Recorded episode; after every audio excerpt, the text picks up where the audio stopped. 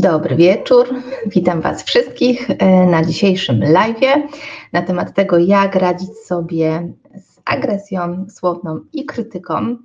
E, dajcie znać na początek, czy wszystko dobrze widać, czy słychać i że jesteście. Będzie mi miło, jak tutaj zobaczę, z kim, z kim dzisiaj się widzę. E, I słuchajcie, plan na dzisiejsze spotkanie jest taki, żeby jak y, najmocniej opowiedzieć o tym, co jest najważniejsze, ale też, żeby mm, jak najkrócej e, ująć to w słowa, żeby to było bardzo praktyczne z wykorzystaniem konkretnych komunikatów i e, komentarzy. E, więc powiem, co dzisiaj będzie. Będziemy dzisiaj sobie przede wszystkim omawiać trudne sytuacje, E, będziemy mówić sobie też o tym, e, kiedy odmawiać, a kiedy, kiedy nie odmawiać. Czyli będzie, będę poruszała jakby te tematy, z, z których wyniknął ten live tak naprawdę, czyli on pojawił się w odpowiedzi na mm, temat wsparcia emocjonalnego i tego, co się dzieje, kiedy my nie mamy siły tego wsparcia emocjonalnego dawać drugiej osobie, i ona w odpowiedzi na to też no, nas krytykuje czy ocenia w jakiś sposób, ale oczywiście też będę dotykała różnych innych tematów, których my chcemy odmówić komuś, ale ktoś z trudem przyjmuje tą naszą e, odmowę, więc też będę mówiła o tych sytuacjach, kiedy warto, a kiedy nie warto e, odmawiać i jak to szukać tego swojego głosu w tych różnych sytuacjach. E, po trzecie, będziemy też mówić o dojrzałych reakcjach, czyli jakie to są dojrzałe reakcje, E, jak powinny one wyglądać e, i będziemy też mówić o niedojrzałych reakcjach, jakich unikać i które z tych niedojrzałych reakcji to są właśnie, właśnie te, czyli będziemy poruszać się w obszarze różnych głosów w środku, które mamy, e, żeby też nie stawać się względem mm, tej drugiej osoby samemu krytycznym czy agresywnym w słowach. E, no i będziemy sobie analizować sytuacje e, i przykładowe odpowiedzi. Na końcu też podam kilka takich uniwersalnych odpowiedzi, które można powiedzieć właściwie praktycznie zawsze, kiedy już nie wiemy, co mamy powiedzieć, bo mamy taką potrzebę wytłumaczenia się, więc żeby jakoś tego nie tłumaczyć, to, e, to przygotowałam kilka dla Was takich gotowych, gotowych zdań. Także super, że się tutaj zbieracie, że jesteście. E, że wszystko widać i słychać. Bardzo, bardzo e, się cieszę. Będzie mi też miło, jak co jakiś czas będziecie e, tutaj dawać znać, albo jeśli Was coś zainteresuje, to możecie zadawać oczywiście pytania. Na koniec zobaczymy, ile tego czasu będzie. Postaram się chociaż na kilka odpowiedzieć. Więc zaczynając od samego początku, też chcę Was zapytać, jak to u Was jest, no i czy też tak macie właśnie, że ciężko jest odmówić zrobienia czegoś dla drugiej osoby, kiedy e, sobie wyobrażacie albo słyszycie te oskarżenia. I też ciekawa jestem, jakie one są, jeżeli są, to, to jakie, e, dajcie znać e, tutaj właśnie w, w komentarzach, chętnie sobie je też poczytam. E, no i czy tak jest, że męczą Cię te sytuacje, w których musisz wybierać między sobą a drugą osobą i jak często one się dzieją? Więc jeśli, jeśli to jest o Tobie, to napisz mi tutaj w komentarzu tak, e, to będę wiedziała, że ten temat właśnie Was dotyczy, bo pewnie też trafią tu przypadkowe osoby, e, w związku z tym, że ten live jest publiczny. No i właśnie, co zrobić, kiedy ważna osoba potrzebuje na przykład z Tobą się spotkać, a ty masz inne plany i nie chcesz tego zmieniać, albo co gorsza, co zrobić, kiedy druga osoba ważna dla ciebie chce się z tobą spotkać, a ty wcale nie masz innych planów, ale nie masz ochoty się spotkać, e, bo chcesz ten czas na przykład spędzić e, samemu ze sobą I to jest najtrudniejszy moment w odmawianiu, bo jak my mamy ten argument, e, dzięki któremu my możemy się tym podeprzeć, powiedzieć, no wiesz, nie, jakby ja nie mogę czegoś zrobić, bo i idzie to wytłumaczenie, które jest jakieś zasadne, tak, bo mam, nie wiem, chore dziecko, bo mam akurat wyjazd już opłacony, tak, czyli wszystko, co nas stawia w takiej sytuacji, w której to nie my jesteśmy ci źli, którzy odmawiają i biorą swoje potrzeby pod uwagę też, tylko to jest jakiś czynnik zewnętrzny, to wtedy ta odmowa też jest e, po prostu dużo, e, dużo łatwiejsza. I też co, co zrobić, kiedy na przykład szef e, chce, żebyś został czy została dłużej w pracy po godzinach, no a ty wiesz, że twój czas pracy się kończy, co zrobić, kiedy na przykład w weekend trzeba zawieść rodzica na badania, a każdy z rodzeństwa milczy, no i się okazuje, że na przykład na grupie WhatsAppowej to jakoś tak spada na, na ciebie i wszyscy mają wyświetlone te niebieskie tam ptaszki, no i ty czujesz taką presję, że no coś jakby trzeba z tą sytuacją zrobić. No przecież ktoś musi podjąć to zadanie, a ty jesteś tą osobą, która tą mm, odpowiedzialność w takich sytuacjach zawsze bierze.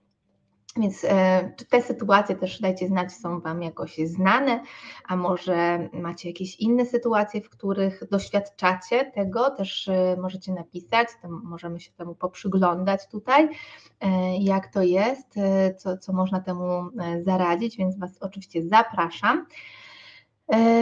No i właśnie, i ja zapraszając Was tutaj też na tego live'a, wymieniałam kilka takich sytuacji, w których na przykład pisałam o tym, że sobie wyobraź, że, że prowadzisz firmę i, i, właśnie ktoś z rodziny dzwoni do ciebie e, tak, z propozycją albo jakiejś spontanicznej, e, spontanicznego spotkania, albo z prośbą, żeby załatwić coś, no bo przecież ty nie pracujesz, skoro pracujesz na swoim i jeszcze do tego na przykład zdalnie, więc zawsze masz czas i nigdy odmówić nie można. Albo ktoś e, bliski prosi cię, żeby mm, pomóc w jakichś rodzinnych obowiązkach, no a ty masz zaplanowane w tym czasie e, inne rzeczy, albo po prostu chcesz odpocząć po nadmiarze swoich obowiązków w tygodniu, a babcia prosi na przykład o to, żeby umyć okna po raz drugi w tym miesiącu. E, no ale wiadomo, że jak się jej odmówi, to po prostu lawina tych komentarzy jest bardzo, bardzo długa. Czy też propozycja, nie wiem, spędzenia czasu właśnie e, w weekend z przyjaciółmi, E, a e, mama domaga się tego, żeby przyjechać, no bo przecież tak dawno mnie nie odwiedzałaś, nie, nie wiem, czy nie byłeś tak dawno w domu i że ty to już w ogóle masz, masz nas wszystkich w nosie, a w sumie to i tak nic przecież nie robisz, tylko, tylko masz takie wymówki. No właśnie, też tutaj piszecie, że na przykład często ze strachu przed wybuchem męża ustępuję i pozwalam, żeby moje potrzeby zeszły na drugi plan, prawda? Czyli my się tego wybuchu, tej agresji, tej krytyki, tej złości, która się pojawi po drugiej stronie, E, bardzo boimy. E, oczywiście my tą e, złość w jakimś sensie możemy albo podsycać drugiej osoby, albo wygaszać. I to jest tylko tyle jest tej naszej odpowiedzialności tutaj, bo w sposób, w jaki my ubierzemy ten komunikat, ma ogromne znaczenie. Czy my i też zobaczycie właśnie, że możemy w bardzo różny sposób reagować i dokładać, tak jakby wiecie, do ogniska, jakby do, dorzucać kolejne drewienko, żeby tam się albo jakby podlewaniem benzyną tego, tego ognia i wtedy on się robi coraz większy, można tak też. I często tak robimy, właśnie bojąc się postawić pewne granice. E, się okazuje, że nasze komunikaty są właśnie agresywne również. E, no ale możemy też, i pokażę Wam przykład, kiedy to jest agresywny komunikat, a kiedy nie, i kiedy nawet jeśli jest konstruktywny, my i tak możemy się zmierzyć z tym wybuchem, ale to już nie jest nasza odpowiedzialność, wtedy to jest ta część, w której to mm, my musimy o siebie zadbać i o nasze emocje, a druga osoba musi sobie poradzić ze swoją złością, tak żeby ona mogła się wygasić, bo mamy problem jako ludzie z przyjmowaniem odmowy, bo przyjmujemy ją jako y, informację o nas samych, a nie jako informację o innych potrzebach drugiej osoby. Czyli tu na wstępie chcę powiedzieć, że każ, za każdym nie, które wypowiadamy drugiej osobie, jest jakieś tak dla naszych potrzeb. I tak samo jak ktoś Wam odmawia i mówi Wam nie, to mówi nie na jakąś daną potrzebę dla niego, y, w tym momencie mniej istotną. Nie, nie, to nie jest nie na Was czy dla Was, ale mówi tak na jakąś swoją potrzebę, którą po pierwsze nie zawsze zna, nie zawsze potrafi nazwać, y, jakoś ująć w słowa. Byłoby to proste, gdybyśmy umieli tak się komunikować, ale zobaczenie tego, że to jest za każdym nie stoi tak dla innej potrzeby, to jest trochę właśnie mm, odklejenie się od takiego poczucia, że to z nami jest coś e, nie tak. No i właśnie, jak wy radzicie sobie w takich sytuacjach, w których trudno jest wybrnąć, kiedy jest dużo tego konfliktu wewnętrznego, e, co tutaj wybrać? Ile razy się zgadzacie na coś, chociaż wewnętrznie myślicie zupełnie coś innego? Dajcie znać, jak to u Was jest. Możecie wpisać jedynkę, jeśli się zgadzacie, mimo właśnie innych potrzeb, i dwójkę, jeśli raczej siebie wybieracie w tej sytuacji. E, jak to się układa w proporcjach, właśnie. Oczywiście to może dotyczyć różnych potrzeb, w różnych sytuacjach i w różnych zasobach możemy mieć po prostu inaczej. Natomiast w sytuacji, w której jednak jest tak, że my mimo wszystko wybieramy mm, potrzeby drugiej osoby i niejako przekraczamy też e, swoje granice, to siłą rzeczy to Wam mogę zagwarantować, że mm, ten jakby ta złość, która w środku jest, to poczucie takiego mm, zranienia czy, czy, czy takiego no, jakiegoś przymusu, podporządkowania się, ono wyjdzie w trakcie. Ono wyjdzie albo przez złość za jakąś chwilę w innej sytuacji, albo poprzez bierną agresję, e, ale po prostu wyjdzie. Więc wymaga to omówienia. E, I najczęściej to się przejawia już w takich pierwszych jakichś myślach, które nam, mamy w głowie, czyli sobie myślimy na przykład y, o drugiej osobie, że co ona sobie wyobraża, że my tylko jesteśmy dla niej, że, albo właśnie, że znowu będzie wściekły, znowu wybuchnie, że ja muszę mu ustępować, że on taki jest i, i tak cała jakaś etykieta, która za tym stoi. E, czasem to są myśli, które są w głowie, a czasem to są zdania, które już wypowiadamy, tak? Czyli na przykład, no nie widzisz, że ja też mam jakieś ważne sprawy, nie wiem, jesteś pępkiem świata, jesteś egocentrukiem i tu już zaczynają te nasze e, takie krytyczne i agresywne komunikaty.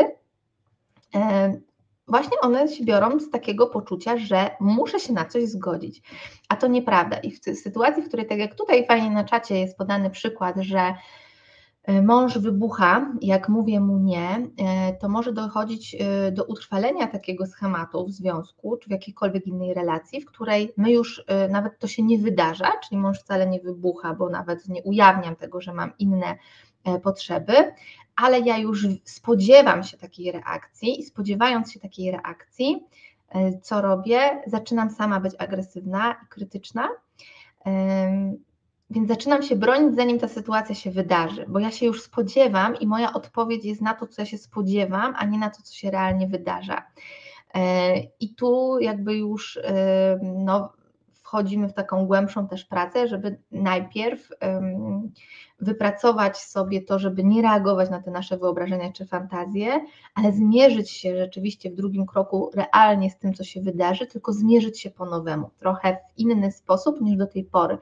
Więc to też ważne, poprzyglądajcie się, jak wy reagujecie na takie komunikaty, mm, czyli jak, jest, jak ustępuję, to jak potem to oddaję.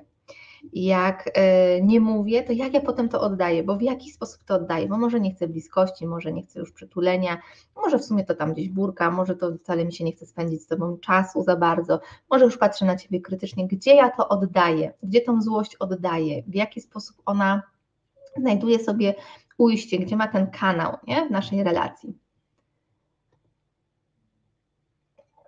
No i dobrze. Te sytuacje, które ja tutaj Wam przytoczyłam, one nie są jeszcze aż takie tragiczne, czyli nie są dla większości pewnie osób, nie są aż takimi sytuacjami, w których no nie można odmówić, bo ewentualnie się pokłócimy i, jakoś to tam będzie, będzie trudno, będzie jakoś mocno emocjonalnie, ale Mm, możemy to dźwignąć, ale co w sytuacjach, których dotyczą mm, rzeczy takich trochę trudniejszych, które mają bardzo duży ładunek emocjonalny. Jedną z takich sytuacji może być na przykład to, że mm, przyjaciółka się mm, przeżyła rozstanie potrzebuje naszego wsparcia i po raz y, kolejny w ciągu dnia dzwoni do nas, żeby nam o tym opowiedzieć. I oczywiście wszędzie się mówi o tym, jak to ważne jest dawanie tego wsparcia, no ale my na przykład mamy też swoje życie, albo trudno już jest nam słuchać kolejny raz, albo łapiemy się na tym, że jest to 50. rozmowa w tym miesiącu, podczas której my głównie słuchamy, jesteśmy słuchaczami i i jakby nie ma przestrzeni dla nas i rodzi się też w nas ten e, bunt. No i właśnie, i co wtedy? E, co, co wtedy robicie? Mm, albo e, tutaj były takie przykłady, że właśnie twój rodzic zachorował, a ty pracujesz, musisz pomóc po pracy też swojemu dziecku, bo ma jakieś trudności, przeżywa jakieś trudności, ma kłopoty w szkole, no i nie możesz fizycznie tam być, a mimo wszystko jest to na przykład od ciebie wymagane czy, czy oczekiwane. I, I co wtedy? Tak? I oczywiście my możemy bardzo chcieć, możemy nie być w stanie tam mm, dostarczyć tej, tej opieki, której potrzebuje druga osoba. E, no ale właśnie, jakoś to trzeba zakomunikować, trzeba z tym zrobić, jakoś to trzeba powiedzieć tej, tej drugiej osobie, prawda? Albo takie sytuacje, w których słuchajcie, pewnie macie też, trochę inaczej jest jednak z dziećmi, ale podam też tutaj ten przykład, czyli mm, no właśnie, nie, że, że nasze dziecko ma jakiś egzamin albo przedstawienie, a my jesteśmy wtedy w pracy, no i wiemy, że wszyscy rodzice tam będą, a my nie możemy. E, I co wtedy? Jak to zaopiekować? Jak to odmówić? I gdzie co zrobić z tym poczuciem winy, które się e, dzieje, prawda? Jak właściwie mm, tak sobie myślę, że w wielu takich sytuacjach problemem pierwszym jest sposób, mm, jak odmówić, bo się obawiamy tej reakcji, tych emocji, które tam będą, bo czujemy, że to jest kolejny bagaż, który musimy wziąć, żeby zaopiekować, prawda? Czyli w sytuacji z dzieckiem no musimy dźwignąć jego, nie wiem, smutek, jego rozpacz, jego złość, jego, nie wiem, krzyki, że jest najgorszą mamą albo najgorszym tatą, e, albo właśnie brak reakcji, brak jakichś słów i, i taki rodzaj przybicia. I to jest kolejna, kolejny kroczek, czyli czy my w takich bardzo ważnych relacjach e, umiemy zaopiekować stratę, czy my umiemy jakby rozmawiać o tej stracie, e, nie racjonalizować jej, nie negować jej, tylko dać jej prawo do istnienia. No właśnie, nie? Czyli tu Kasia pisze, że najgorsza jest presja, że jeżeli czegoś nie zrobię, to będę miała wyrzut sumienia, pomoc siostrze z dzieckiem, presja ze strony rodziców, bo przecież mieszkam blisko i nie mam swojej rodziny. No właśnie, tak. to są te takie idealne argumenty, prawda, że jak skoro nie masz rodziny, to możesz w ogóle być zawsze na zawołanie, że skoro nie masz dzieci, to w ogóle masz tyle czasu, że możesz wszystko, skoro pracujesz w domu, no to przecież możesz wszystko zrobić w domu, wokół domu i pojechać wszystko załatwić dookoła tego domu i, i rodziny i zawsze mieć czas, bo przecież jesteś elastyczna i zawsze możesz to wszystko zrobić obojętnie w jakim czasie. Nikt nie pyta, jakim to się dzieje e, kosztem. E, więc tutaj to porównywanie na pewno też szkodzi i sobie myślę, że mm, te wyrzuty sumienia to jest już e, efekt wtłoczenia nas w taką rolę, czyli e, sytuacja, w której my uwierzyliśmy, że tak jest, że tak jest, że skoro ja właśnie nie mam swojej rodziny, to jestem za to odpowiedzialna. Bo gdybym w to nie uwierzyła, to mogę mieć jakiś zgryz, jakąś bardziej złość e, w kierunku ty, tych osób e, czy tej sytuacji i wtedy łatwiej jest mi postawić granice, ale jeśli ja mam wyrzuty sumienia, to znaczy, że ja czuję się w powinności.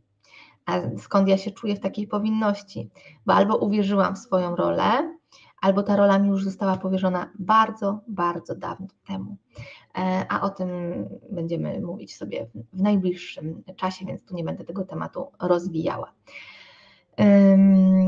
To tak, co ja tu jeszcze miałam powiedzieć? Słuchajcie, mm, no właśnie, i, i co wy byście zrobili w takiej sytuacji, jak wam, jak wam tutaj wymieniłam? Jeszcze miałam wymienić dwie, czyli że ktoś nas prosi o pomoc finansową, E, no a my się tłumaczymy, jakoś tak nie wiemy, jak ten temat w sumie ugryźć, e, bo może na przykład wcale nie uznajemy tej pomocy finansowej, albo boimy się, że ktoś nam nie odda, a ktoś mówi, no tak, ale zobacz, zobacz, ty sobie jeździsz na wakacje i jesteś taką egoistką, co to dla ciebie, nie wiem, te 200 czy 300 zł. E, ja tutaj nie mam, nie wiem, za co kupić jedzenia, chleba e, czy czegokolwiek tam innego, zapłacić rachunków. Mm, no dla Ciebie przecież to nie jest żaden problem. To nic, że ta osoba na przykład nie oddaje nam kolejny miesiąc nie? E, pożyczonych pieniędzy. Albo to nic, że my mamy takie doświadczenie, że ktoś nam nie oddaje i my wcale nie chcemy ryzykować. Może z tą osobą byłoby inaczej, ale po prostu nie chcemy. E, czy też właśnie mm, sytuacja, kiedy ktoś oczekuje naszego towarzystwa, to też dzieje się, myślę, w związkach, że ktoś coś od nas y, chce, ma jakiś pomysł na to, jak spędzimy ten czas, a my ten czas chcemy spędzić zupełnie, zupełnie inaczej. Więc tych sytuacji, słuchajcie, można mnożyć bardzo, bardzo dużo. Mm, no właśnie, i co, co robimy e, tak, w tej sytuacji? Jak nie udzielimy pomocy, to możemy usłyszeć no, najgorsze rzeczy, tak? Czyli na ciebie nie można liczyć, nie można liczyć na twoją pomoc, właśnie jesteś najgorszą mamą, ja cię tak dziecko nie wychowałam, w ogóle nie myślałam, że ty taka jesteś, e, ale ty jesteś egoistą i tak dalej. Dajcie znać, czy komuś e, się zdarzyło usłyszeć takie zdanie albo podobne, chociaż raz w życiu. Napiszcie na, na czacie tak, jeśli Wam się zdarzyło takie zdanie słyszeć.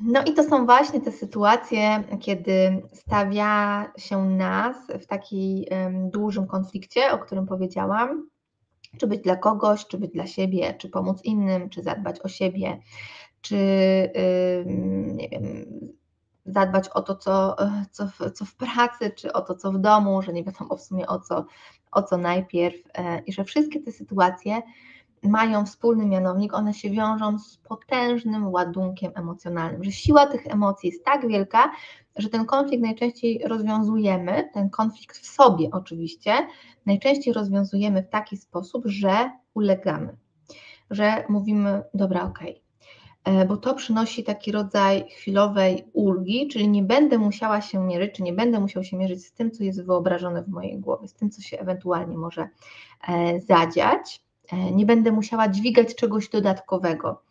E, tak, bo mimo, że na przykład to, że się godzimy, wcale nam nie służy, ale konsekwencje, które dźwigamy potem, e, i tak dźwigamy, no właśnie, kolejnymi dniami, tygodniami, czasem, czasem właśnie latami.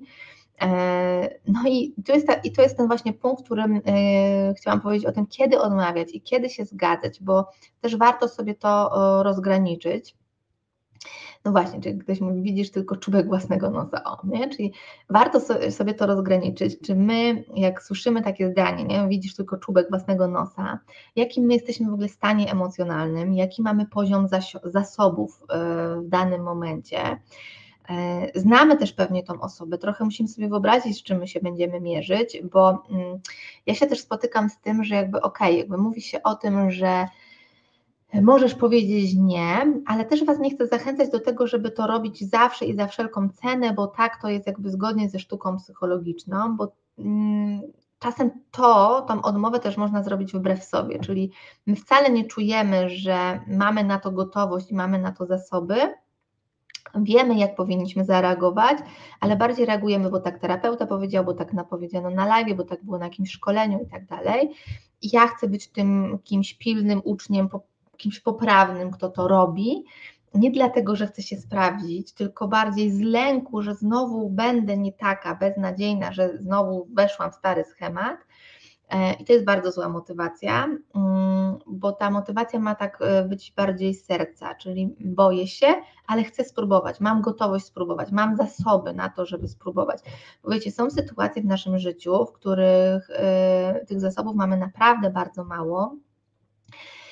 I my możemy zadecydować, czy chcemy udzielić komuś tej pomocy, czy chcemy jej udzielić tylko po to, żeby czegoś uniknąć, więc to drugie jest również złą motywacją, ale będą też, sytuacje, w których y, chcemy czegoś uniknąć i nie jest to związane bezpośrednio, wiecie, z tą osobą, która mi powie, widzisz tylko czubek swojego nosa i w ogóle jesteś egoistką, tylko y, tego, co się zadzieje we mnie, a ja wiem, że na przykład mam chore dziecko i czeka mnie nieprzespana noc, albo mam ważny projekt właśnie w pracy, albo w ogóle pokłóciłam się z mężem i ja już moje emocje mam tak na włosku, że już nie jest mi potrzebne nic dodatkowego i świadomie, świadomie decyduję się zrobić coś, co mnie nie obciąży bardziej. E, więc tak też oczywiście można, że czasem to uniknięcie konfrontacji może być też formą zadbania o siebie, e, ale róbmy to, to świadomie. Dajcie znać, czy to do Was e, przemawia.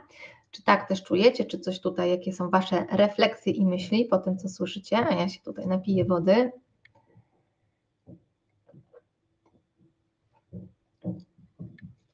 I jak um, zobaczę, co, co tutaj na czacie, dajcie znać, że, że żyjecie, że jesteście.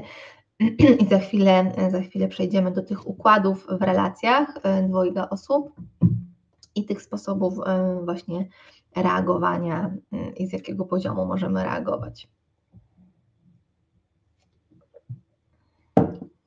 Mhm. I co? E, nie widzę Waszych refleksji na razie, może ich nie ma. Jak nie ma, to też napiszcie, że, że nie ma, albo że wszystko ok, że żyjecie, że jesteście.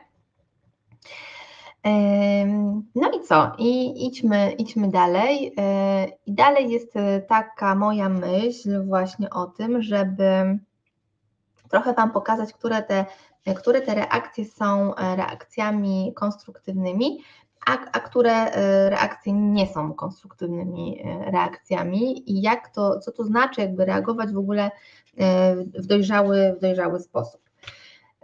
Dobra, więc tak. Mm, jesteście i słuchacie. Dobra, słuchajcie, dzięki za informację, że jest wszystko ok. E, więc zacznijmy sobie od tego, że mm, czy my w ogóle mm, tą relację, w której dostajemy taki, taki feedback, przeżywamy jako relację dwojga dorosłych osób? No bo w teorii pewnie tak, e, ale e, w praktyce bywa bardzo różnie i mamy takie poczucie, że jakby musimy zadbać o to, żeby ktoś się nie wkurzył. Tak jakby ta osoba nie była dorosła i nie umiała zarządzać swoją złością. Oczywiście bardzo dużo jest takich osób, ale to nadal jest jej odpowiedzialność. To nie jest nasza odpowiedzialność zajmować się emocjami drugiego człowieka. My możemy go w tym wesprzeć, my możemy analizować i patrzeć to na to, co my dokładamy, jaką cegiełkę, ale y, ja jestem od tego, żeby dbać o siebie i o swoje emocje i żeby nad nimi panować, żeby e, nimi zarządzać. E, więc w dojrzałej takiej partnerskiej relacji, gdzie dwie osoby traktują się po dorosłemu, to powinno być tak, że my nie bawimy się w domyślanie, jak ktoś zareaguje, co ktoś zrobi. W partnerskiej, dojrzałej relacji ja mogę mówić, czego się obawiam, Czyli mogę powiedzieć, wiesz, y, w kontekście tej odmowy, tak? Czyli obawiam się tego, że ty się wkurzysz, tak się będę odnosiła do tego przykładu na, na, na czacie. Boję się tego, e, czekajcie, wywrócę sobie tego, boję się tego, że, e, że wybuchniesz, że słyszę Twoją potrzebę, słyszę, że chcesz ode mnie to i to, słyszę, że to jest dla Ciebie ważne. Bardzo się boję, że jak Ci odmówię, to spotkam się z Twoją złością albo że to sprawi, że my się pokłócimy a z drugiej strony e, też czuję, że mam w tym czasie inne potrzeby i nie bardzo wiem, co, my, co ja mogłabym z tym zrobić, jak my możemy o tym porozmawiać. Nie? To jest w ogóle takie wyjście z takiej pozycji, że ja z Ciebie widzę, Ciebie słyszę, ale nie na wszystko jestem gotowa e, odpowiedzieć. E, I to jest bardzo łagodny, bardzo konstruktywny komunikat z poziomu takiej właśnie dojrzałości, czyli widzę Cię, ale nie wszystko jakby mogę, na wszystko mogę odpowiadać. Wspólnie chcę się z Tobą zastanowić, jak to będzie, e, co my z tym możemy zrobić e, razem. Więc to jest punkt wyjścia do, do dyskusji. Mm, mogę też sprawdzać e, intencje drugiej osoby, e, mogę, mm, bo wiecie, to jak ja od, odmówię komuś, to ja mogę powiedzieć nie i koniec, bo mam prawo. Nie i koniec, bo mam prawo. I oczywiście w tym takim uczeniu się stawiania tych granic, my na początku też jesteśmy mm, bardzo egoistyczni. I ta faza też, ja to zawsze mówię pacjentom, że ona też musi się pojawić, że to jest trochę tak jak z chodzeniem, z uczeniem się chodzenia przez dziecko, że jak dziecko uczy się chodzić, to ono się przewraca, nie wiem, nabija sobie guza, robi różne rzeczy takie e, trudne, mm, ale wstaje i idzie dalej. E, I że to jest tak, i że tak go jest wtedy zawsze pełno i dużo i eksploruje wszystko. I my ucząc się nowych takich umiejętności psychologicznych, które są dla nas totalnie obce, bo nas nikt tego wcześniej w dzieciństwie też nie nauczył, bo nigdzie nie można się było sprzeciwić, albo ten sprzeciw właśnie o, e, był. E, no, no był agresywny po prostu, tak? Czyli e, zaraz mi się przypomina taka dyskusja e, w ostatnim czasie e, z grupą dzieciaków o trudnych sytuacjach właśnie w szkole, które też zgłaszają, czy na przykład mówią konstruktywnie y, do, do pani, nie, ja się nie zgadzam na przykład na to, czyli pani obraża i używa jakiejś etykiety, pani, która sprząta salę, y, na co pani mówi, ale ze mną się nie dyskutuje, bo ja mam tutaj głos i ja jestem dorosła i ja mam rację.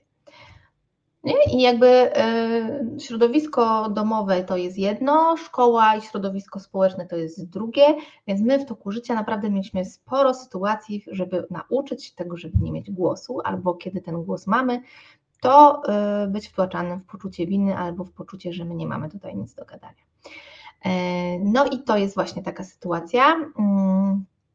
Więc ta, ta, taka dygresja, więc my wtedy z automatu też trochę stajemy się y, czasem tacy egoistyczni, czasem agresywni i mówimy już ostro nie i koniec. I mnie nie pytaj i w ogóle nie rozmawiaj ze mną, powiedziałam nie i nic nie chcę więcej na ten temat słyszeć.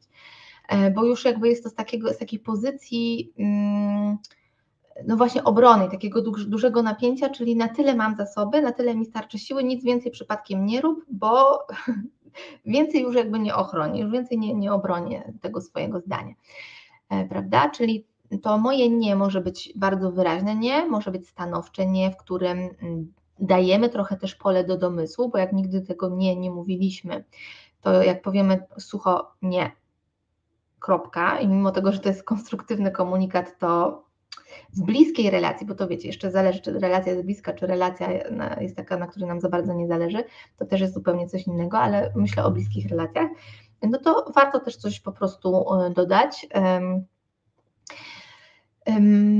I jakby mogę się, mogę wytłumaczyć, ale też nie muszę się tłumaczyć. Mogę też powiedzieć, że uczę się tego, że chcę o siebie zadbać, że to jest teraz dla mnie bardzo ważne i że chcę, żebyś tego nie przeżywał osobiście, bo ja to ćwiczę. I że z Tobą na przykład jest mi to ćwiczyć najłatwiej, albo właśnie może najtrudniej. Tak, no właśnie, nie chcę, nie chcę rozmawiać i, i koniec, często słyszę, Go, Gosia mówi. Wiecie, to też to jest w ogóle na inny live, zresztą on się chyba odbył, ale ja taki filmik na pewno nagram, nie wiem czy w tym roku, ale mam go przygotowanego właśnie, e, co jak ktoś mówi, że nie chce rozmawiać i no i koniec, i nie, i nie rozmawia, więc spodziewajcie się, subskrybujcie kanał, właśnie za, do tego Was zapraszam, żeby teraz, e, jak tu jesteście, żeby zasubskrybować kanał, czy, czy kliknąć dzwoneczek, żeby Wam powiadomienia przychodziły, bo te materiały tutaj się pojawiają. Jakiś czas temu był ten live na temat tego, co robić, kiedy ktoś nam mówi o tym, że nie chce rozmawiać, ale na pewno nagram też coś dodatkowego, tamten poprzedni live nie jest już e, dostępny. Więc, e, więc idąc dalej, e, możemy się dzielić tym lękiem, ale każdy w tej dojrzałej relacji bierze odpowiedzialność za siebie i ta rozmowa jest po prostu konstruktywna.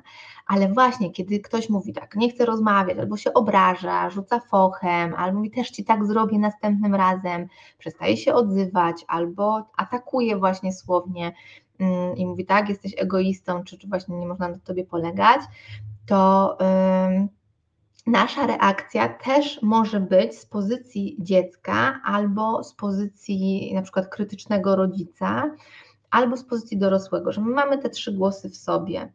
E, I jeżeli jest tak, że e, w naszym e, domu rodzinnym trzeba było mocno dbać o emocje naszych opiekunów, czyli byliśmy bardziej stłamszeni i w takiej roli podporządkowanej bycia grzecznym dzieckiem, to my będziemy też tutaj reagować z pozycji takiego e, potulnego dziecka, które zabiega o miłość. Jeżeli gdzieś mamy utrwalony, albo byśmy bardziej buntowniczy, albo utrwalony ten głos tego krytycznego rodzica, zresztą jedno i drugie może w nas być, bo to nie jest tak, że jest albo albo, ale też tego krytycznego rodzica, który e, właśnie różnego rodzaju uwagi mm, wypowiadał, czy też krytycznego dorosłego, tak jak podałam przykład zupełnie niezwiązany z rodzicami, e, to też są te automatyzmy, które się w nas zapisały, bo my się nauczyliśmy e, tych reakcji. No i co my wtedy tak robimy? Czyli mówimy na przykład, no nie koniec, odpowiedź jest prosta, nie chcę i już, czy ty tego nie rozumiesz, albo no nie wiem, e, o co ci chodzi, zawsze jesteś taki natarczywy, nie masz pojęcia, co to znaczy mieć coś ważnego do roboty czy zawsze się obrażasz, nigdy nie mogę z Tobą rozmawiać, tak, najlepiej w ogóle zamknąć się w sobie i wyjść z pokoju. No i to są te wszystkie komunikaty, które, tak jak na samym początku powiedziałam, one dolewają tej oliwy e, do ognia, czy tej, czy tej benzyny do, do ognia. E, karcący e, rodzic będzie, czyli z pozycji tego karcącego rodzica my reagujemy przez atak, tak, czy przez ocenę, przez atak, przez krytykę i sami nakręcamy tą sytuację mm, albo mamy taką obronę mm, bycia takim rodzicem, który e, mm, właśnie ci wytłumaczy, tak, jak ten dobry rodzic, ci wytłumaczę, dlaczego ja tego nie mogłam zrobić, żebyś ty to zrozumiał, bo ty widzę, nie rozumiesz. E, czyli jest tu też ten element takiej wyższościowej obrony, że jesteś tak głupi, że tego po prostu nie rozumiesz, więc ja ci to wyjaśnię. I tych e, różnych strategii na obronę możemy mieć dużo, i wtedy druga osoba też oczywiście na to reaguje i konflikt się nakręca i nakręca. Możemy reagować z pozycji właśnie dziecka, czyli postaram się dla ciebie, no dobra, to jednak ci pomogę, e, jednak się zgodzę, okej, okay, no to już niech będzie tak, jak ty chcesz. bo chcemy uniknąć kary, bo chcemy uniknąć e, oceny, bo mm, czujemy, że jakby musimy zrobić wbrew sobie, żeby zachować tą miłość drugiej osoby, prawda? Że to jest takie, to jest tak silny mechanizm w nas, że my tego jakoś nie umiemy powstrzymać, a po czasie czujemy taki wyrzut też do siebie, że znowu tak zrobiłam. E, więc dojrzała e, reakcja, e, w dojrzałej relacji wygląda tak, że możemy uznać te swoje emocje i emocje drugiej osoby również możemy uznać. Możemy mm, spokojnie trzymać tą swoją granicę z empatią i życzliwością, i zaraz Wam podam przykłady. I możemy też być otwarci na ten kontakt, nie odreagowywać złością, czyli jak ktoś mówi, nie chcę rozmawiać kropka, to ja mogę powiedzieć, okay, widzę, że Cię to jakoś zezłościło, mm, to jakoś jest dla mnie trudne, ale e, rozumiem, przyjmuję to. Nie, jakby nie, nie naciskam, e, bo to nie jest moment już na żadną dyskusję, bo ktoś nam mówi jasno, wprost, że, że nie chce. E, czegoś. E, co innego, gdyby tam się też pojawiły jakieś nie wiem, wyzwiska, czy właśnie nie, e, wulgaryzmy, czy jakieś oceny, jakieś etykiety i tak dalej, to też trochę inaczej można reagować, bo można, a nawet trzeba mówić wyraźny stop, że na to się nie zgadzam, to dla mnie za dużo. O i też bardzo ważna rzecz, którą bym chciała podkreślić, że jeżeli w tych agresywnych komunikatach słownych usłyszycie coś, co jest naprawdę takim przekroczeniem granic. Wiecie, my różne rzeczy przeżywamy jako agresję, ale ja mam na myśli e, różnego rodzaju wyzwiska, nie wiem, przekleństwa, wulgaryzmy, etykiety, mm, no wszystko to, co jest takie e, silne, mocne i przemocowe, to pamiętajcie, że to jest moment, w którym należy bezwzględnie się zatrzymać dopóki nie wyjaśnimy tej sytuacji, nie idziemy dalej z niczym innym, choćby to było, nie wiem, najważniejsze na świecie, bo my zaraz mamy się zapakować i wyjechać. E, no i nie wiem, wali się i pali, coś tam się dzieje takiego, że musimy jakąś decyzję podjąć.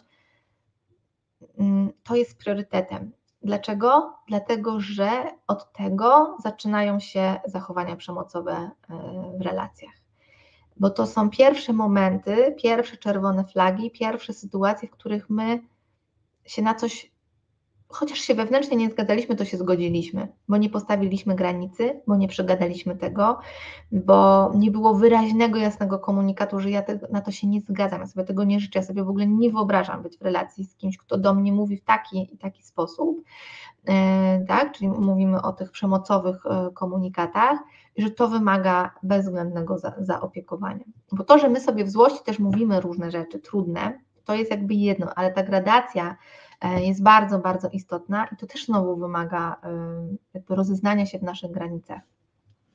Bo jak ktoś mnie e, przezywa mm, od różnych epitetów, no to mm, co będzie dalej? Co będzie kolejne w tej relacji? E, jeżeli ja tej granicy nie postawię. Bo ja mogę powiedzieć, nie chcę, nie mów do mnie tak, ale i okej, okay, idziemy dalej, zajmujemy się tym tematem, a to mamy nieprzegadane. A przegadane mam na myśli, czyli co mi to zrobiło, e, czego się obawiam dalej, e, w ogóle dlaczego ty używasz takich epitetów, czego nie możesz wyrazić inaczej, jak możesz ty zarządzać też swoją złością, jak mnie to rani, jak to na mnie wpływa, e, gdzie są moje granice, co jak te granice będą bardziej przekraczane, co ja wtedy zrobię. To ciągłe jest takie od, odsyłanie się do, do samego siebie. No i e, na przykład, tak, czyli wyobraźmy sobie tą sytuację, ja tu kilka sobie, e, słuchajcie, rozpisałam mm, tych reakcji, tutaj je, je mam co, co, my możemy, co my możemy robić. O, tak? Czyli przyjaciel na przykład prosi o pomoc w dniu, gdy masz e, ważne e, zobowiązanie. E, no i jak ta odmowa mogłaby wy, wyglądać? Na przykład, rozumiem, że potrzebujesz pomocy i chętnie bym Cię wsparła, ale dzisiaj mam już wcześniej zaplanowane ważne zobowiązanie, może jednak w innym terminie znaleźlibyśmy wspólny czas, tak? Albo tu odnosząc się, widzę, że nie chcesz teraz rozmawiać, ale dla mnie to jest ważne, daj mi znać, kiedy to będzie dla Ciebie dobry czas. E, szef prosi Cię o zostanie po pracy, po, po godzinach, ale wcześniej masz też jakieś zaplanowane spotkanie, albo po prostu to jest koniec Twoich godzin e, pracy. Masz prawo powiedzieć też e, nie. Tak? Czyli możemy powiedzieć dziękuję, e, dziękuję za zapytanie, ale niestety mam e, swoje zobowiązania rodzinne tego wieczoru i e, chciałabym znaleźć inne rozwiązanie lub przełożyć to na jutrzejszy dzień, jak rozpocznę pracę. My się bardzo boimy takiej reakcji, no bo mamy, wiecie, takie duże wyobrażenia, co, co tam się właśnie wydarzy, prawda? Czy znów to, co mówiłam o pożyczce pieniędzy na przykład, Czyli znów, zobaczcie, to się wszystko zaczyna od takiego dziękuję, tak? Dziękuję, że zwracasz się do mnie z tą prośbą. Aktualnie nie jestem w stanie pożyczyć Ci tej kwoty, ale albo nie jestem w stanie pożyczyć Ci pieniędzy, ale jestem otwarta na rozmowę o tym, jak mogę Cię wesprzeć inaczej. Tak, czyli to są jeszcze te takie e, pier, pierwszy moment, zanim ktoś jeszcze nas tam e, urazi, obrazi, czy, czy powie coś trudnego, czyli to są te konstruktywne komunikaty, które sobie możecie zapamiętać, które nie dolewają oliwy do ognia. Jak ktoś na to reaguje agresywnie, no to ma problem z zarządzaniem swoją złością. Jeśli nasz komunikat nie jest konstruktywny, no to też w jakiś sposób dokładamy się do takiej przepychanki y, i sami może też agresywni y, jesteśmy. I zobaczcie, to jest takie mm, ważna rzecz, że w tym przykładzie ja nie pokazuję, czyli nie mówię, że nie mogę ci pożyczyć, bo mam wydatki, bo szkoła na dzieci, bo wiesz kredyt, bo teraz przy taki rachunek za prąd, za wodę czy za coś tam innego. Mm, tylko po prostu bez tłumaczenia się mówię nie. mogę sprawdzić, czy ja w innych obszarach mogę kogoś wesprzeć, ale na to mówię nie i nie muszę się tłumaczyć. Zaraz powiem, co jeszcze, jak ktoś nam mówi coś tutaj dodatkowego do tego, co jeszcze można inaczej powiedzieć, e, ale jeszcze tu miałam przykład, że koleżanka chce, żebyś spędziła z nią weekend, ale masz już wcześniej e, właśnie zaplanowane zobowiązania rodzinne, albo dajmy na to, nie masz zaplanowanego zobowiązania rodzinnego i po prostu chcesz spędzić czas przed telewizorem. Co mogę powiedzieć? Że jestem wdzięczna za zaproszenie, ale mam inne plany, albo dzisiaj po prostu chciałam ten czas spędzić inaczej. E, znajdźmy inny czas na, na, na spotkanie e, w innym terminie.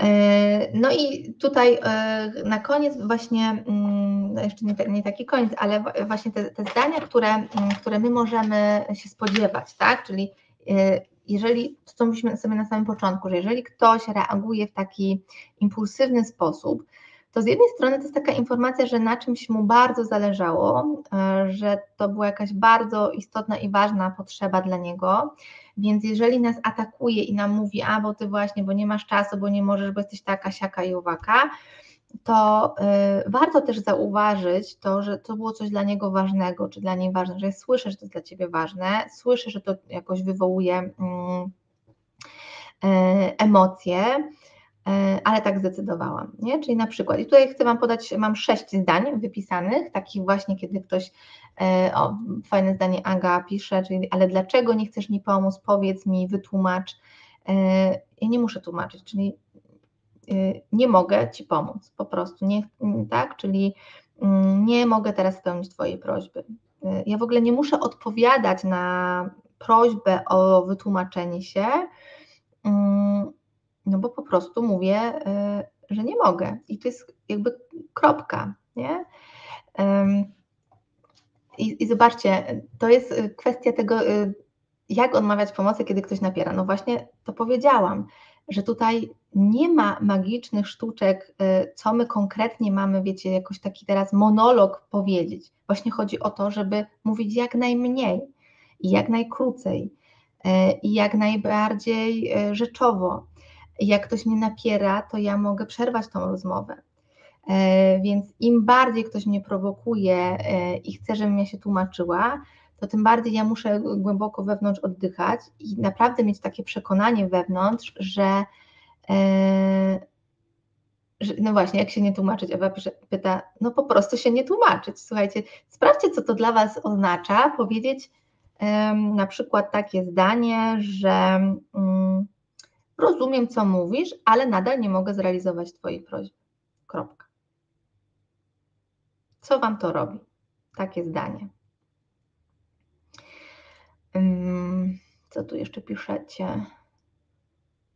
Kiedy ktoś mocno napierasz, na przykład da mi jakieś pieniądze, albo kupi mi coś, albo zrobi coś za mnie, a ja tego nie potrzebuję, trzeba kilkukrotnie odmawiać, co prowadzi do frustracji. Tak, jakby odmawianie. Słuchajcie, powiedz, powiedzmy sobie jedną ważną rzecz. Odmawianie kosztuje dużo energii i naszych zasobów. Odmawianie wiąże się z frustracją. Nie pozbędziemy się tego uczucia. To uczucie jest w tej sytuacji jak najbardziej adekwatne, bo ktoś chce przekroczyć nasze granice. Z tym się nic nie robi, to się rozpoznaje i używa się tego do, ewentualnie do ochrony siebie i powiedzenia takiego zdania, na przykład jak, jak podałam przed chwileczką. Nie? Tłumaczenie się świadczy o tym, e, o dwóch rzeczach może tu e, jakby świadczyć. Tak przynajmniej na teraz mi to przychodzi do głowy na gorąco. Jedna o tym, że nie jestem w stanie wytrzymać w, tej granic, w tych granicach, czyli jakbym powiedziała zdanie, słyszę co mówisz, ale nie mogę zrealizować Twojej prośby, Słyszę, to jak taka zdarta płyta, powtarzam to samo zdanie. Słyszę, że to jest dalej. Widzę, że chcesz mnie dalej przekonać. Widzę, że e, nowe pomysły tutaj e, wymyślasz na to, żeby mnie przekonać. Mm, ja podtrzymuję swoje zdanie. Nie? Czyli mówię w bardzo spokojny sposób. E, jak zaczynam się tłumaczyć, to znaczy, że komuś udało się mnie sprowokować. To znaczy, że mnie wybił z tej mojej pozycji tego spokoju i udało mu się uruchomić te uczucia, które sprawiają, że ja się daję wkręcać w tą sytuację. To jest jedna rzecz, a druga y, może być też taka, że my naprawdę możemy widzieć, y, myślę o bliskich relacjach znowu, na których nam naprawdę zależy, że możemy widzieć, że to jest dla kogoś naprawdę ważne, żeby zrozumieć, dlaczego nie, y, żeby nie wzmacniać czegoś poczucia odrzucenia i tak dalej. I to już trzeba indywidualnie wyczuć, w których sytuacjach i ile. Mm, no bo, y, no bo, bo myślę sobie, że w takich relacjach właśnie dojrzałych wcale nie trzeba tego robić, albo, albo robi się to w takiej ograniczonej, wiecie, ilości, nie? W takim sensie, że ja wystarczy, że raz powiem, że wiesz, słuchaj, no właśnie, boję, boję się, że, że ty y, sobie pomyślisz to czy tamto, albo wiem, że tobie jest jakoś trudno, no ale ja jakby nie mogę, nie wiem, im bliższa relacja, tym mogę ujawnić więcej tych, tych szczegółów. Jeśli chce iść w zgodzie ze mną, to też nie jest nic złego, słuchajcie. Ale jeśli czujemy, że to jest, mm, przekracza moje granice, no to po prostu nie. Zaraz przeczytam Wasze komentarze, ale przeczytam tutaj te obiecane zdanie. E, pierwsze, rozumiem, że to dla Ciebie ważne i szanuję Twoje uczucia, jednak nadal nie mogę spełnić Twojej prośby możecie sobie zapisać albo potem wrócić do tego. Drugie, e, chciałbym, aby nasza rozmowa była konstruktywna. Nadal nie mogę zrealizować tego, o co prosisz. Trzecie, rozumiem, że jesteś niezadowolony albo nie wiem, że jesteś zły, ale nie jestem w stanie spełnić Twoich oczekiwań. Proszę Cię, zrozum to. Czwarte, to dla mnie trudne widzieć Cię tak zdenerwowana. Sześć, trzymaj, tak już powiedziałam, Ty mnie napierasz e, i jesteś taka, owaka i tak dalej, to co powiedzieliśmy wcześniej, tylko ja chcę się tego trzymać. Tak zdecydowałam. E, piąte, mm, chociaż nie mogę zrobić tego, o co prosisz, może razem znajdziemy inne rozwiązanie, które będzie bardziej satysfakcjonujące dla obu stron. Nie? To jest taka ta furtka dla tych bliższych relacji, wtedy, kiedy my czujemy, że jakoś autentycznie chcemy odpowiedzieć na czyjeś potrzeby, że nie chcemy dać surowego komunikatu, ale trochę się boję Wam pokazywać te bardziej miękkie też, e, bo tam jest przestrzeń na, na, na ten kontakt, tylko że jak my się tego uczymy, słuchajcie, no to albo się uczymy tej granicy i ona musi być wyraźna, bo, bo jeżeli mamy tendencję do tłumaczenia się, do wchodzenia w rolę, nie wiem, dziecka czy, czy rodzica, no to yy, na pewno wy, wykorzystacie to nie w tą stronę, co trzeba, bo tak to się po prostu dzieje. Czyli chodziłoby mi o to, żeby nie otworzyć tej furtki tam gdzie, tam, gdzie nie trzeba i się zmierzyć, autentycznie się zmierzyć z tym, co, co tam się pojawi po takim naszym komunikacie.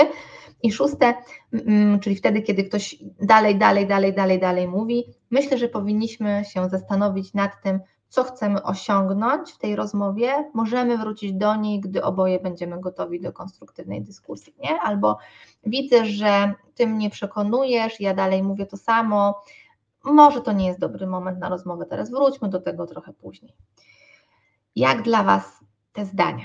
co to, wiecie, co też Was to porusza, mm, jak sobie, y, co, co Wy tam czujecie, nie? Na taką myśl, że takie zdanie e, moglibyście wypowiedzieć jako granicę do drugiej osoby. Bardzo jestem ciekawa, podzielcie się ze mną na, na czacie.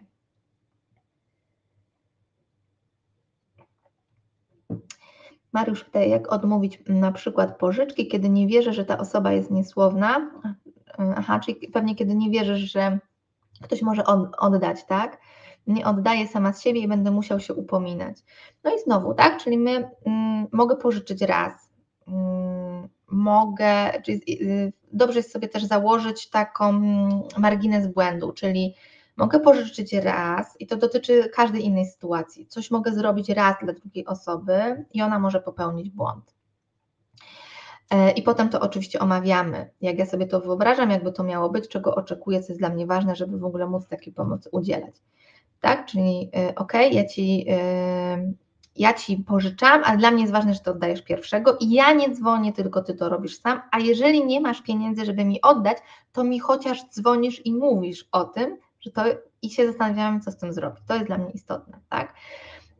To jest jedna rzecz zakładamy, że ta sytuacja się powtórzy. Jak się powtórzy, to ja znowu mogę, czyli stopniujemy te granice, ja mogę znowu powiedzieć o tym, że mm, powtarzam to, co powiedziałam przed chwilą, e, czy tam wcześniej, przy, tej, przy okazji tamtej rozmowy, e, ale stawiam konkretną rzecz, jeśli kolejny raz to się wydarzy, to ja nie będę mogła Ci, czy nie będę mógł Ci już udzielać e, pożyczki.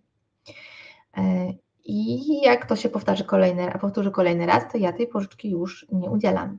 Ale liczę się z tym, że te pieniądze mogą mi przepaść, że ktoś mi ich też nie odda. E, jakby w tej sytuacji ja nie mam zabezpieczenia, tak? Ja mogę też się umówić na zabezpieczenie, czyli jak E, że jak e, ty mi chcesz coś, ja ci chcę coś pożyczyć, no ale to co wtedy zrobimy, jak nie będziesz mógł mi oddać tych pieniędzy? Jak my z tego wybrniemy? Czyli generalnie jakby omówienie wszystkich możliwych konsekwencji, które ewentualnie mogłyby się wydarzyć które by nas zabezpieczyły. Ale z taką gwiazdką, że nic nas w pełni nie zabezpieczy. E, dobrze, to ostatnie dwa wybieram i kończymy live'a. Mm, jak sobie później poradzić z tym napięciem, gdy ktoś się obrazi? No to jest zarządzanie swoją złością i swoimi emocjami i tutaj osobny temat live'a e, wchodzi. E, na pewno znajdziecie też w moich różnych materiałach, zresztą polecam e, webinary o granicach w związku i granicach w bliskich relacjach, tam jest bardzo dużo na temat granic, na temat tego, co tutaj właśnie mówię, więcej przykładów, różnych przykładów z narcystycznymi rodzicami, z toksycznych relacjach, w trudnych relacjach, więc y, od różnej strony opowiedziane w związkach i z teściową, e, więc y, Was zachęcam do zaglądania, później tutaj wrzucę gdzieś e, link do tego. Mm, ale no to jest jakby mierzenie się z tym, że to napięcie jest w skrócie, tak w jednym zdaniu powiem, że e, radzenie sobie z tym napięciem jest uznaniem tego napięcia, że jakby to mam prawo to przeżywać, że to jest wpisane w tą sytuację, że to jest trudne, że może to być trudne, że tak, czuję się ze sobą w taki i taki sposób i że to jest jakby e, ok, no to, że ktoś się obraża, to jest jego reakcja z pozycji e, skrzywdzonego dziecka i to są jego emocje, którymi on może, musi się zająć i się sam zaopiekować. My możemy tylko dać taką otwartość, że jakby ja jestem, ja widzę, że ciebie to zraniło, jak, jak zarządzisz tymi swoim trochę mniej psychologicznym językiem, nie? Ale rozumiecie o co chodzi. Jak zarządzisz tymi swoimi emocjami, czy jak ci przejdzie, czy jak będziesz czegoś potrzebować, ja jestem. Tak? Czyli to nie jest takie całkiem mogę się zamknąć w tym napięciu, czyli też się napnę i w ogóle też się obrażę, tylko ja jestem, jakby co. Trochę ułatwiając tej osobie wejście w kontakt. Um, o lepsze poczucie nadziei na zmianę, lepszą komunikację, to się cieszę. Myślę, że też te zdania trochę pacyfikują kłótnię, a nie ją podsycają. Zdecydowanie tak. Mm, mogę też pokazać, że liczę się z czymś zdaniem, że druga osoba jest dla mnie ważna, chcę rozwiązać konflikt, a nie w nim pogrążać. Komunikat dla drugiej osoby, że już nie może mnie nie szanować w rozmowie. Dokładnie, wiecie, bo to chodzi o to, żeby e, samemu siebie uszanować w tym. Ja wiem, że to jest, słuchajcie, e, bardzo, bardzo trudne, mm, ale wiem też, że można się tego nauczyć. Zresztą, jak przygotowując się do tego live'a, sama sobie przypominałam swoje sytuacje, słuchajcie, z życia e, sprzed takiego no, uczenia się jeszcze na studiach psychologicznych i sytuacje z teraz, to po prostu no, inny człowiek zupełnie. E, więc, więc można, można naprawdę.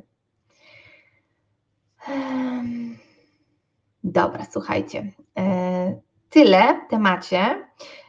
54 minuty to jest mój rekord w skracaniu live'ów. Ćwiczę się, żeby były jak najkrótsze i najbardziej rzeczowe. E, więc nie trwał 2,5 e, godziny albo 3, jak to zwykle, więc mam nadzieję, że to było e, łatwiejsze do przyswojenia. Dajcie też znać, jak taka forma live'ów Wam się podoba, czy Wam odpowiada, co o niej sądzicie, na jaki temat byście jeszcze chcieli sobie tutaj podyskutować. E, a tymczasem ja Wam bardzo, bardzo serdecznie dziękuję za e, to spotkanie. Zapraszam Was na mój newsletter, e, w którym będę niebawem pisać więcej o tych właśnie skrzywdzonych dzieciach, o karcących rodzicach w nas w środku i tych różnych takich trudnych doświadczeniach też z dzieciństwa, które wpływają na nasze relacje, więc bądźcie tam ze mną koniecznie, jeśli nic nie chcecie przegapić, dzieje się bardzo, bardzo dużo różnych rzeczy, ale nie chcę e, tutaj mieszać tych różnych wątków, śledźcie między parami e, w różnych miejscach. No i co? Do zobaczenia w kolejnym razem. Jednym okiem patrzę, co piszecie, że, że lubicie długie, tak, lubicie, tylko potem trzeba je na trzy razy yy, oglądać. A właśnie, jak ktoś ma dwójkę małych dzieci i jest mu ciężko, no to właśnie, to małe porcje jednak się mogą lepiej przyswajać i tak miejmy nadzieję, że to się będzie yy, udawało. E, dobra, słuchajcie, będzie mi miło, e, jeśli napiszecie, co tam sobie bierzecie z tego live'a, e, czy teraz, czy później, gdzie wrzucę jakiś post na, na Facebooku też o tym. Możecie też udostępnić ten live komuś, komu może się przydać, może właśnie w relacji komuś ważnemu dla Was, więc dziękuję za spędzony czas i do zobaczenia wkrótce. Dobrego wieczoru.